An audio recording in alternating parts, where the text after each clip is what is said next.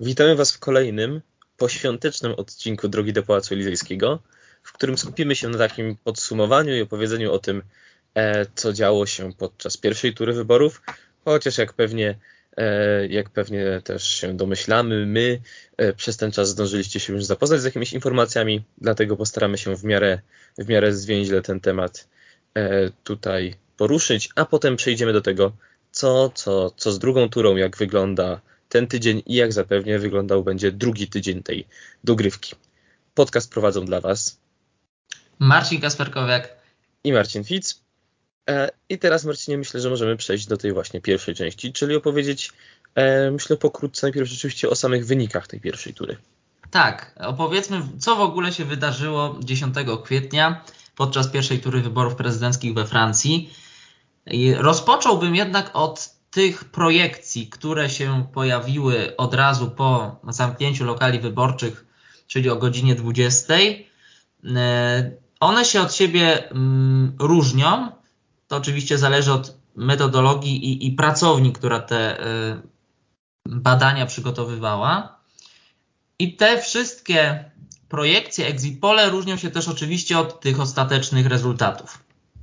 Więc rozpocznijmy może od z, e, od, od exit polu Opinion Way. E, tutaj wybija się to badanie na tle innych, dlatego że tutaj mm, Macron zdobywa 29% poparcia, Le Pen 24%, a Jean-Luc Mélenchon 20%, Eric Zemmour 7%, Jadot 5%, Valérie Pécresse 4,5%. Mieliśmy również e, badanie e, sondażowni LAB. Tutaj Macron 28,5%, Le Pen 24,2%, Mélenchon 20,2%, Zemur 7,1%, Pécresse 5,1%, Jadot 4,4%. Badanie e, Harris Interactive. Tutaj Macron 28,3, Le Pen prawie 25%, Mélenchon 20%, Zemmour 6,5, Jadot 5 i Pécresse 5. I wreszcie projekcja Ipsos Soprasteria. Tutaj e, Macron 28,1, Le Pen 23,3, Mélenchon 21,1, Zemmour 7,2, Pécresse 5%, Jadot 4,4%. A jak było ostatecznie, a więc jak te definitywne rezultaty się e, przedstawiają? Mm, zapewne, tak jak tutaj Marcinie powiedziałeś, już nasi słuchacze się z nimi zdążyli zapoznać, ale przytoczmy je dla porządku. Emmanuel Macron 27,84% głosów, Marine Le Pen 23,15%, Jean-Luc Mélenchon 21,95%, Eric Zemmour 7,7%, Valérie Pécresse 4,78%, Yannick Jadot 4,63%, mm, no i pozostali kandydaci z wynikami e, koło 3% i poniżej 3%. Co e, rzuca się tutaj e, na pierwszy ogień, no to, to na pewno zwycięstwo oczywiście Emmanuela Macrona, które, przewidywało, które przewidywał bodaj każdy sondaż przeprowadzany przed pierwszą turą. Te sondaże akurat w aspekcie tego zwycięzcy pierwszej tury się potwierdziły. Ale ta kolejność za Macronem wcale nie była praktycznie do ostatniej chwili oczywista i ona może być pewnym zaskoczeniem, prawda? Zdecydowanie może być. E, I nawet chciałem Cię w tym momencie spytać o opinię, bo pojawiają się różne głosy dotyczące tej przewagi. Czy uważasz ją za wystarczającą i porównując, nie wiem, do tych wyborów sprzed pięciu lat, uważasz, że e, w przeciągu najbliższego tygodnia Macron tylko będzie ją powiększał? To jest y, oczywiście trudne pytanie, ale mm, ta przewaga, y, ona jest y, w praktyce okazała się mniejsza.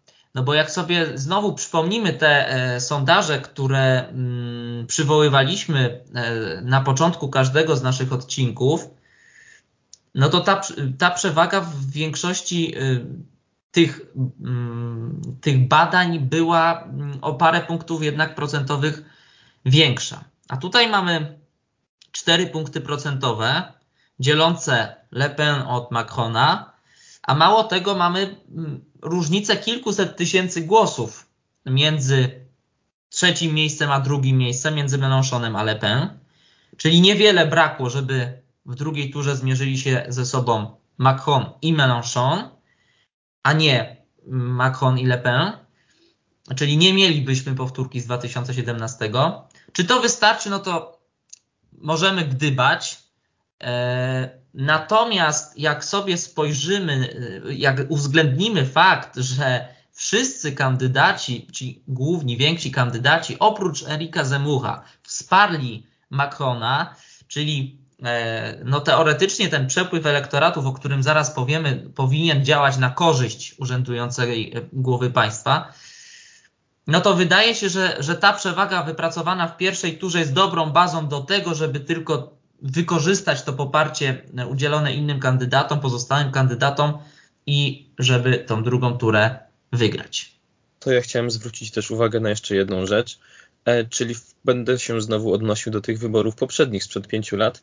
Warto podkreślić, że zarówno Macron, jak i Le Pen i Mélenchon poprawili swoje wyniki e, z tamtych wyborów więc mimo takiego też zniechęcenia tą klasą polityczną, która pewnie potem w jakieś ewentualne przełożenie ma oczywiście we frekwencji, e, ci główni gracze podzielili się dalej tymi, tymi głosami między siebie. E, I w związku z tym, też jeszcze odwołując się do tych wyników, chciałem spytać Cię o takie największe Twoje zaskoczenie, bo myślę, że to też jest ciekawy wątek e, w kwestii tej całej kampanii, tego o czym my tutaj dyskutowaliśmy. Między innymi mam na myśli pozycję Erika Zemura, kreowaną może tylko medialnie, no a, a same wyniki. Mhm. E, więc ja bym mm, wyróżnił trzy zaskoczenia. Może nie są one aż tak ogromne, no, zwłaszcza zważywszy na to, że jednak no, my tutaj śledziliśmy, obserwowaliśmy to, co się we Francji działo i tą całą kampanię przed pierwszą turą. E, pierwszym zaskoczeniem jest e, bardzo silna pozycja, bardzo dobry wynik Żana Luka Mélenchona, bo to jest 20, prawie 22% w pierwszej turze, czyli świetny kapitał.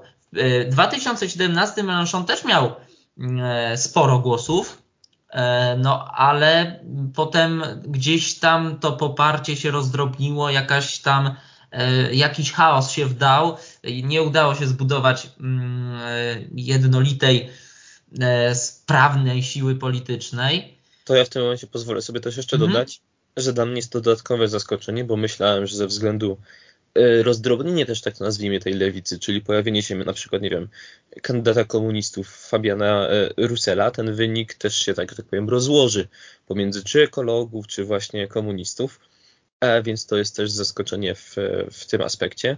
No i tutaj chyba trzeba dodać, że właśnie e, pojawiają się takie głosy z obozu Francji nieujarzmionej, między innymi jej wiceprzewodniczący publicznie krytykował Fabiana Russella za to, że właśnie nie przyłączył się do nich, tylko że wystartował sam, e, bo gdyby nie to, to bardzo prawdopodobne, że w drugiej turze wyborów byłby właśnie e, Jean-Luc Mélenchon. Oczywiście, nawet jeśli sobie to, to hipotetycznie dodamy, no to Mélenchon ma w przybliżeniu 22% głosów, E, Jadot 4,63 to już mamy ponad 26, prawie 27%. Roussel 2%, 28 setnych. Więc, więc łącząc, sumując, to mamy prawie 30%. 30% Francuzów w pierwszej turze oddało swoje głosy na kandydatów no, tej szeroko pojmowanej lewicy. Więc y, wrócę do tej mojej listy krótkiej. E, pierwszym zaskoczeniem Mélenchon. Drugim zaskoczeniem, e, choć troszkę mniejszym, to jest, y, to jest Zemur. E, mówię, że troszkę mniejszym, no bo jednak był na tej swojej równi pochyłej w dół i, i od pewnego momentu ta jego kampania słabła. I teraz Więc... jeszcze pytanie, mhm. co upatrujesz za przyczynę takiego stanu rzeczy? Czy nie wiem, czy to, że nie skupił się na też takich kwestiach doczesnych, tak to, tak to nazwę, czyli nie wiem, na przykład na temacie właśnie tej e, rosnącej siły nabywczej, czyli to świadczy o tym na przykład według Ciebie może, że, że ten sam temat migracji, e, wielkiej wymiany nie jest we Francji taką e, kwestią, która gwarantuje tę przepustkę do, do największej polityki? Tak, właśnie zacytuję, może zacytuję nie, ale sparafrazuję opinię jednego z ekspertów, już teraz nie wiem, kto te słowa E, powiedział, że e, temat imigracji e, obecnie we Francji nie jest wystarczająco mm, napędowym paliwem do tego, żeby no właśnie, żeby nawet przejść do drugiej tury, a co dopiero zwyciężyć w tych wyborach ewentualnie. Więc, więc ja bym właśnie tej przyczyny upatrywał w tym nadmiernym skupieniu się E, no na jednym jednak jakimś tam e, wycinku rzeczywistości i zaniedbaniu mnóstwa innych spraw i mnóstwa innych wyzwań, z którymi francuskie społeczeństwo i Francja muszą się mierzyć albo będą musiały się zmierzyć. I trzecie zaskoczenie, ale też zaskoczenie e, do pewnego stopnia przewidywane, choć nie w aż takim E, stopniu, to jest e, fatalny rezultat, bo chyba tak to musimy nazwać. Valerie Pécresse 4,78%, kandydatka republikanów, czyli tradycyjnie rywalizującej we Francji mm, partii, i to rywalizującej w takim, no w tych wyścigach o najwyższe pozycje. I tutaj znowu bym pewnie upatrywał przyczyn tej porażki w nieudolnie prowadzonej kampanii. E, a jak ty myślisz? Jak, e, jak tutaj e, oceniasz mm, PKS? Też tak uważam, czyli tu w ogóle trzeba zwrócić też uwagę na to, że te filary tej Piątej Republiki, czyli dodajmy też socjalistów, załamały się. Socjaliści i ich wynik to może nie jest zbytnie zaskoczenie, bo w sondażach mer Paryża pani Hidalgo dołowała już od dłuższego czasu, ale tak jak sam powiedziałeś, zaskoczenie wynikiem e, kandydatki e, republikanów jest spore. Tym bardziej, że tutaj musimy dodać też jedną kwestię. E, zgodnie z francuskim prawem, gdy ugrupowanie, czy, czy właśnie przedstawiciel ugrupowania zdobędzie mniej niż 5% głosów, nie przysługuje mu żaden zwrot kosztów kampanii z budżetu państwa. W związku z tym pierwotnie w ogóle wydawało się, że może być to trudna sytuacja dla, dla całych republikanów jako ugrupowania. E, jednak pani Valerie Pécresse ogłosiła, że zaciągnęła 5 milionów euro osobistego kredytu na tę kampanię e, i zaapelowała pilnie o pomoc właśnie, aby, aby udało się, e, że tak powiem, im uporać z tym, z tym problemem. No tutaj pojawiają się też, też różne opinie, że, że republikanie utracili swoją tożsamość, w związku też z tym, że pojawiły się różne opcje po ich obu stronach, które starają się przejmować, przejmować trochę, trochę ich wyborców. E, no i ich zwolennicy przychodzą albo właśnie często do skrajnej prawicy, czy do tego, e, nie wiem, nazwijmy to centroprawicowego, jak to przez jednak też wielu, przez wielu ekspertów e, jest nazywany obóz, obóz Macrona. Dlatego, tak jak sam powiedziałeś, jest to, jest to kolejne zaskoczenie. E, I wydaje mi się, że ostatnie też, e, na co możemy zwrócić uwagę, to, to wynik zielonych, który po pierwsze teraz w takiej perspektywie wydaje się całkiem niezły, chociaż też e, tutaj patrząc na różne wypowiedzi Janika Żado, wydaje się, że, że wcześniej wydawało się, że ta sprawa, kwestia zmian klimatycznych będzie bardziej aktualna, no a ze względu na tę inflację czy wojnę zeszła na dalszy plan a jednocześnie, co też warto chyba e, zauważyć, mm, gdy teraz trwa między Macronem i Le Pen walka o przejęcie głosów zwolenników e, Mélenchona z pierwszej tury, to teraz znów, znów wraca e, temat ekologii, zmian klimatycznych, walki z, z, z globalnym ociepleniem, etc.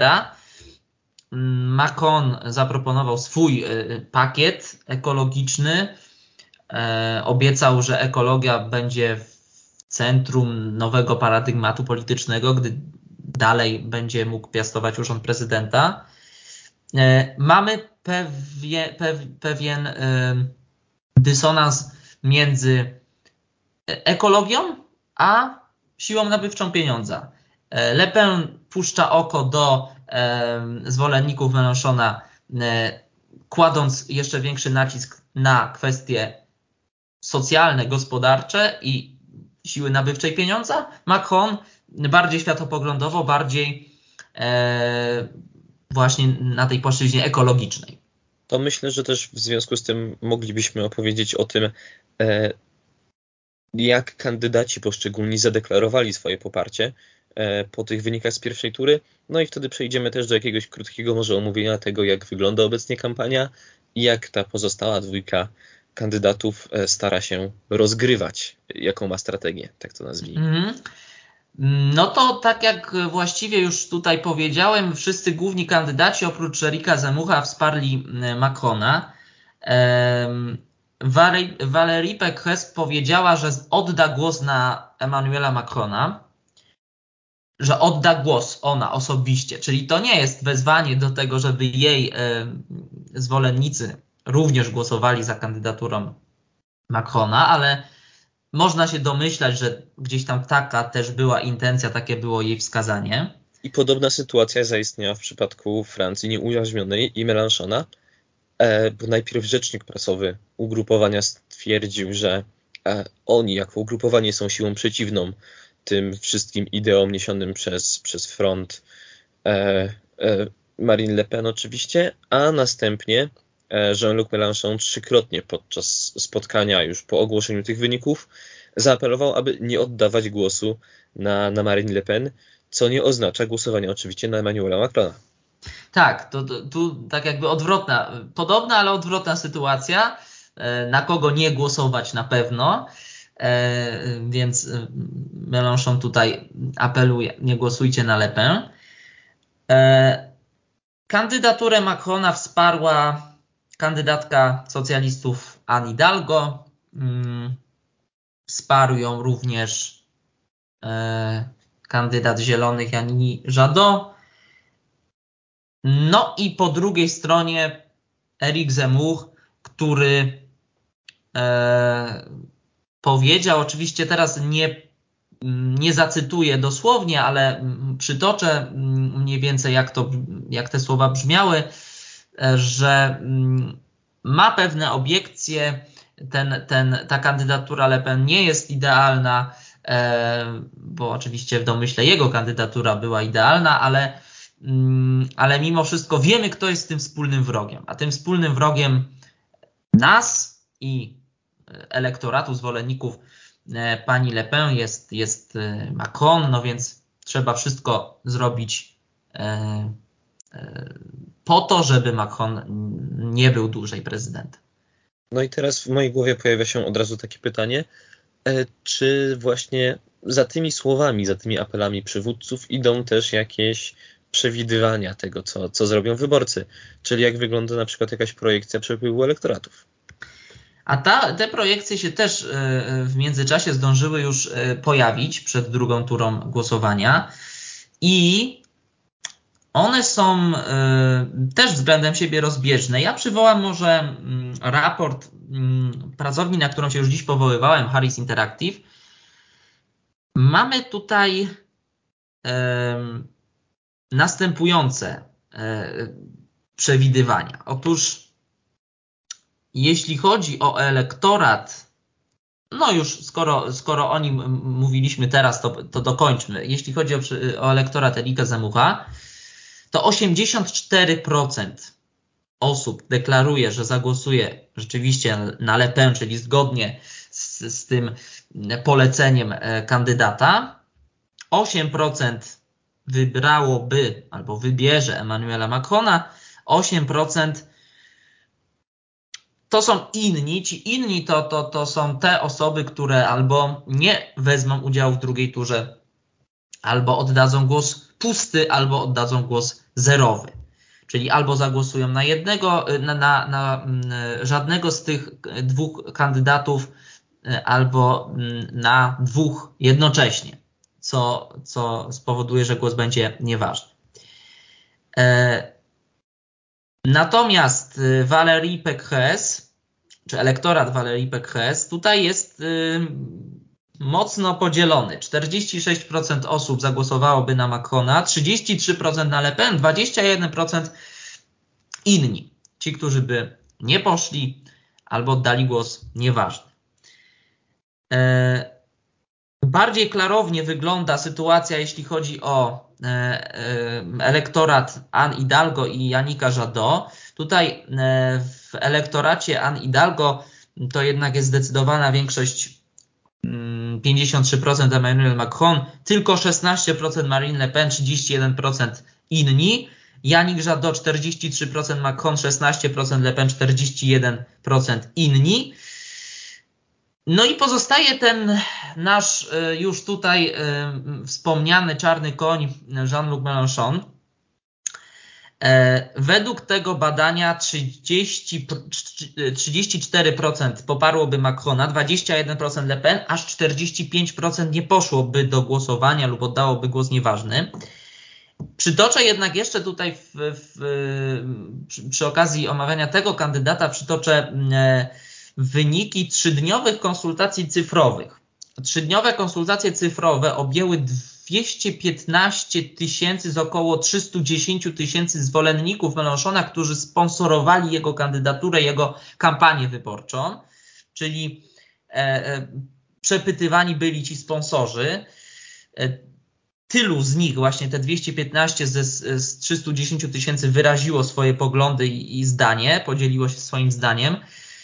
38% z nich wskazało, że wybraliby głosowanie puste lub zerowe.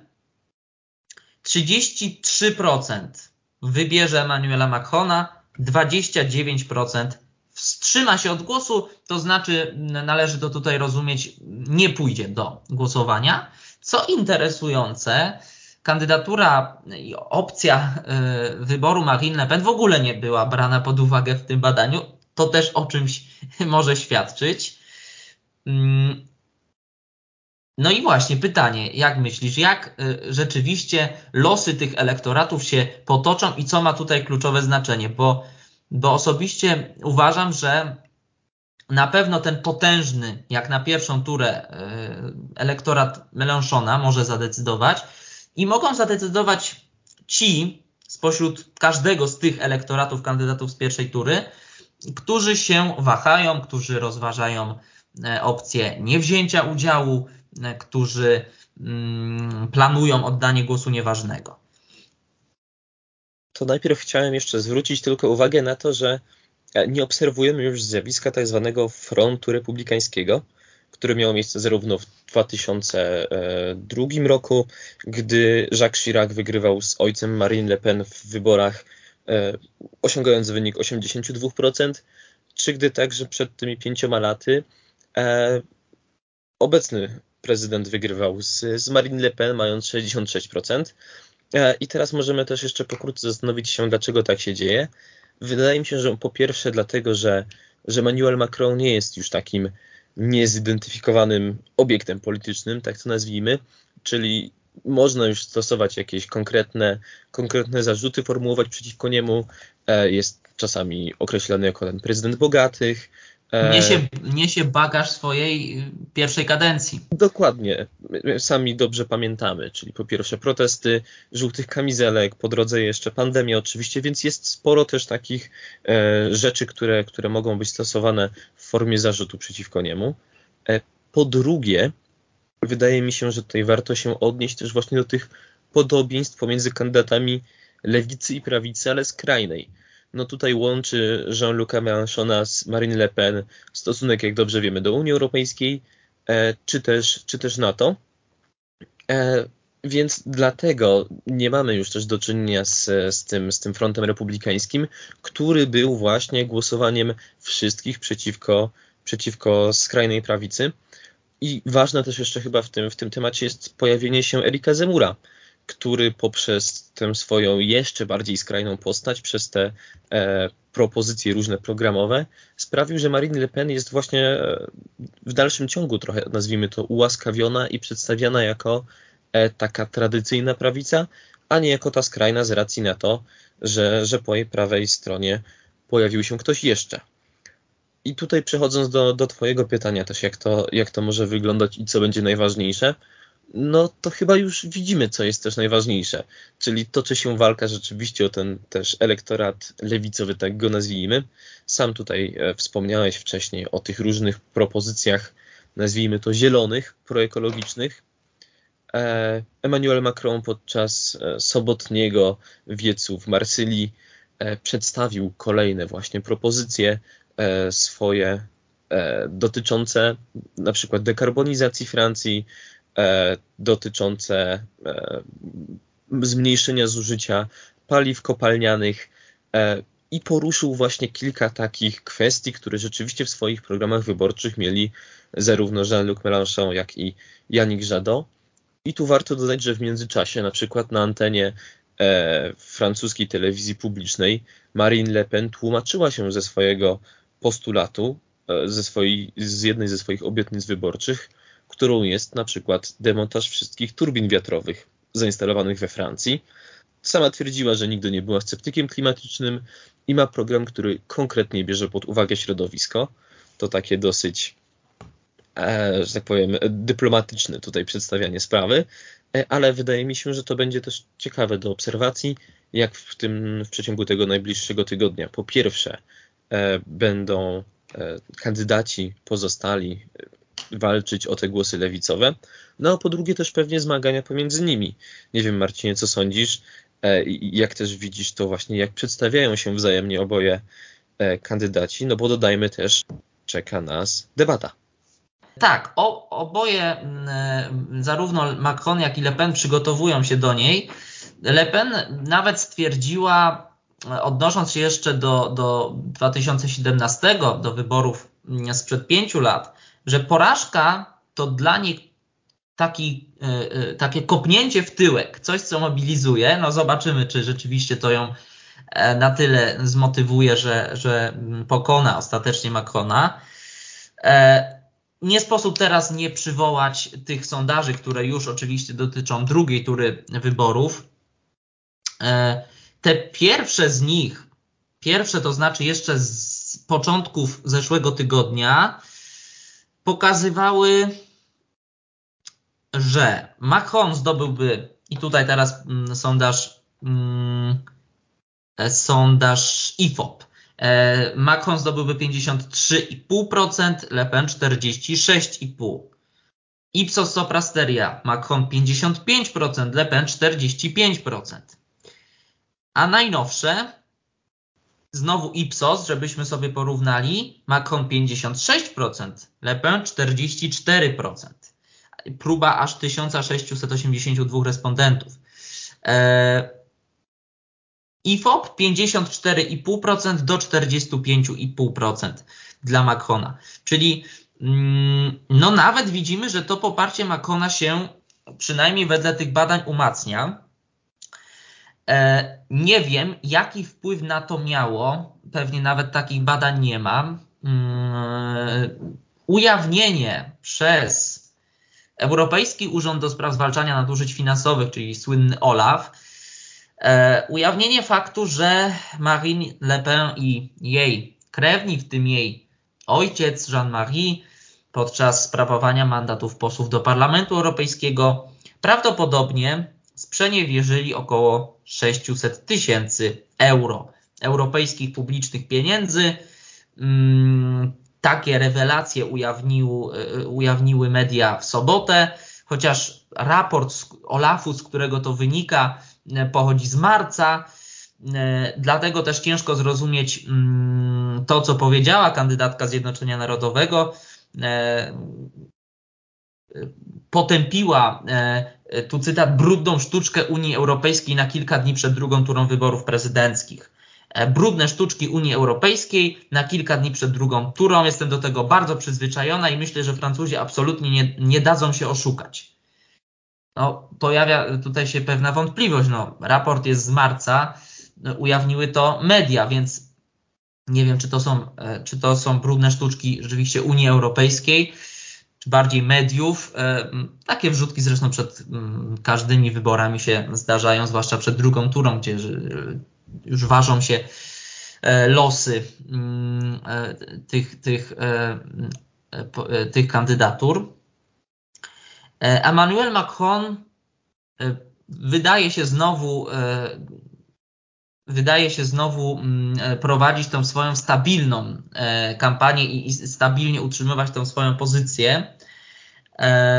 Krytykuje Le Pen, ale mm, nie czyni tego w ordynarny, wulgarny sposób, choć e, tu znów może się kłaść na, na jego kandydaturze cieniem wojna, rosyjska agresja na Ukrainę Ponieważ jak wiemy, taktyką Macrona było, były rozmowy z Putinem. Macron sam przyznał przed kilkoma dniami, że ten format no póki co został zawieszony, bo odkąd odkry, odkryto e, e, masakrę w Buczy i innych ukraińskich miastach, rozmowy się e, tymczasowo zakończyły.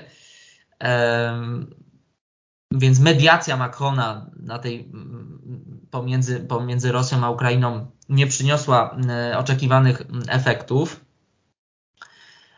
Mało tego, Macron wywołał przecież kontrowersję stwierdzeniem, że Ukraina i e, że Ukraińcy i Rosjanie to są dwa bratnie narody, a bratnie narody nie popełniają względem siebie e, ludobójstw, co przeczy faktom. Więc gdzieś w tle kandydaci zarówno Macron, jak i Le Pen muszą się z pewnymi problemami mierzyć na, tym, na tej ostatniej z ostatnich prostych. Tak jest. Dodajmy, że no, tak jak zapewne też te sondaże, które już pojawiały się przed tygodniem czy przed dwoma, e, komunikowały, ten temat wojny jednak nie jest na tyle istotny, żeby też miał jakiś znaczący wpływ na, na tę kampanię, ale zobaczymy, może coś się teraz z racji na te, na te różne wydarzenia bo też dodajmy, że na przykład żandarmeria francuska pojawiła się w Buczy e, w celu dokumentowania zbrodni wojennych, więc temat cały czas gdzieś tutaj na orbicie tych wyborów, wyborów się pojawia. E, a w temacie też ostatniego tygodnia, to możemy dodać, że już od poniedziałku po pierwszej turze e, Emmanuel Macron wybrał się w właśnie trasę, tak nazwijmy też po Francji, odwiedzając e, kolejne miejscowości, również te mniejsze, szczególnie te nawet, w których, w których to Marine e, Le Pen wygrała w pierwszej turze, co warte odnotowania. No i tak jak sam powiedziałeś, Marcinie, skupia się on także właśnie na zapewnieniu stabilności w tych swoich różnych wypowiedziach. Krytykuje oczywiście Marine Le Pen, pokazując też e, właśnie jej skrajność, czyli uwypuklając te różne, zarówno tutaj też w temacie w temacie Rosji, e, jej związki z Putinem, czy mówiąc o tym, jak nieprzemyślany jest jej program e, i że są to obietnice populistyczne. No a sama Marine Le Pen to w sumie nie wiem, czy traktować to jako taktykę trochę obronną, ale właśnie przeprowadza taką akcję demonizacji, czy w zasadzie walki z tą demonizacją e, samej siebie. Dedemonizacji może Dedemonizacji, tak dokładnie tak. Między innymi sama stwierdziła, że, że w razie ewentualnej wygranej e, przeprowadzi referendum, które dotyczyłoby kwestii cudzoziemców, tak to nazwijmy ogólnie, między innymi e, wstrzymania e, wypłat socjalnych dla osób, które są e, cudzoziemcami na terytorium francuskim. E, więc to już jakaś kwestia też tutaj, e, nazwijmy to może bardziej kompromisowa, no bo pojawiła się, pojawiła się w tematyce referendum, a nie już takiej decyzji e, samej kandydatki. Między innymi także Marine Le Pen na przykład e, uznała też jeden ze swoich postulatów dotyczący zakazu noszenia chust kobiet w miejscach publicznych, tutaj oczywiście skierowany bezpośrednio do ludności muzułmańskiej, uznała go za bardziej złożoną sprawę, odwróciła się również od kwestii przywrócenia kary śmierci, e, którą we wtorek e, zeszły przedstawia jako możliwy, a potem wycofała się z tego, z tego tematu w piątek, e, więc jest to zapewne też, też ciekawe do obserwacji, jak Marine Le Pen walczy z tym obrazem jej, który jest przedstawiany także w tematyce właśnie tej ekologicznej, tak to nazwijmy, No i w tym, co jest jej głównym filarem, czyli w kwestiach ekonomicznych, e, obniżenia podatku VAT na produkty uważane za niezbędne, e, czy między innymi zniesienia podatku dochodowego dla młodych poniżej 30. I na koniec bym dodał kolejne, e, już ostatnie badanie. Mm, według badania IFO przeprowadzonego dla Fundacji Reboot, e, pomysł, że wybory prezydenckie zostałyby, mogłyby zostać sfałszowane, zyskuje na popularności. W takie stwierdzenie wierzy 14% Francuzów, a liczba ta wzrasta do 24%, jeśli mm, wyłowimy e, z, z, z tego e, grona osoby korzystające z internetu, jak, jak, z internetu jako głównego źródła informacji. I wynosi ten odsetek również 25% wśród ludzi, którzy wierzą w teorie spiskowe. E, z takiego partyjnego punktu widzenia najbardziej przekonani są o tym wyborcy Marine Le Pen 30%, Erika Zemucha 29%, i Jeana Luca Mélenchona. W przeciwieństwie do wyborców Emmanuela Macrona czy Valérie Pécresse to jest tylko e, poziom 7%. E, to tak, e, taka ciekawostka i, i, głos w tej, e, w tej dyskusji, czy wybory mogłyby zostać sfałszowane lub czy, czy ktokolwiek z zewnątrz mógłby na nie, na ich wynik wpłynąć. Czy coś jeszcze, Marcinie, chciałbyś dodać? Wydaje mi się, że nie, że pozostaje nam podziękować e, Wam za, za dzisiejszą uwagę i zachęcić do śledzenia losów kampanii wyborczej, a my wydaje mi się, że możemy już zaprosić e, do odsłuchania naszego kolejnego odcinka podcastu w wyborczą niedzielę. E, wydaje mi się, że omówimy w nim, Marcinie, zapewnie właśnie tydzień, ostatni tydzień walki wyborczej. Tak jest. Już teraz zapraszamy, dziękujemy i do usłyszenia. Cześć.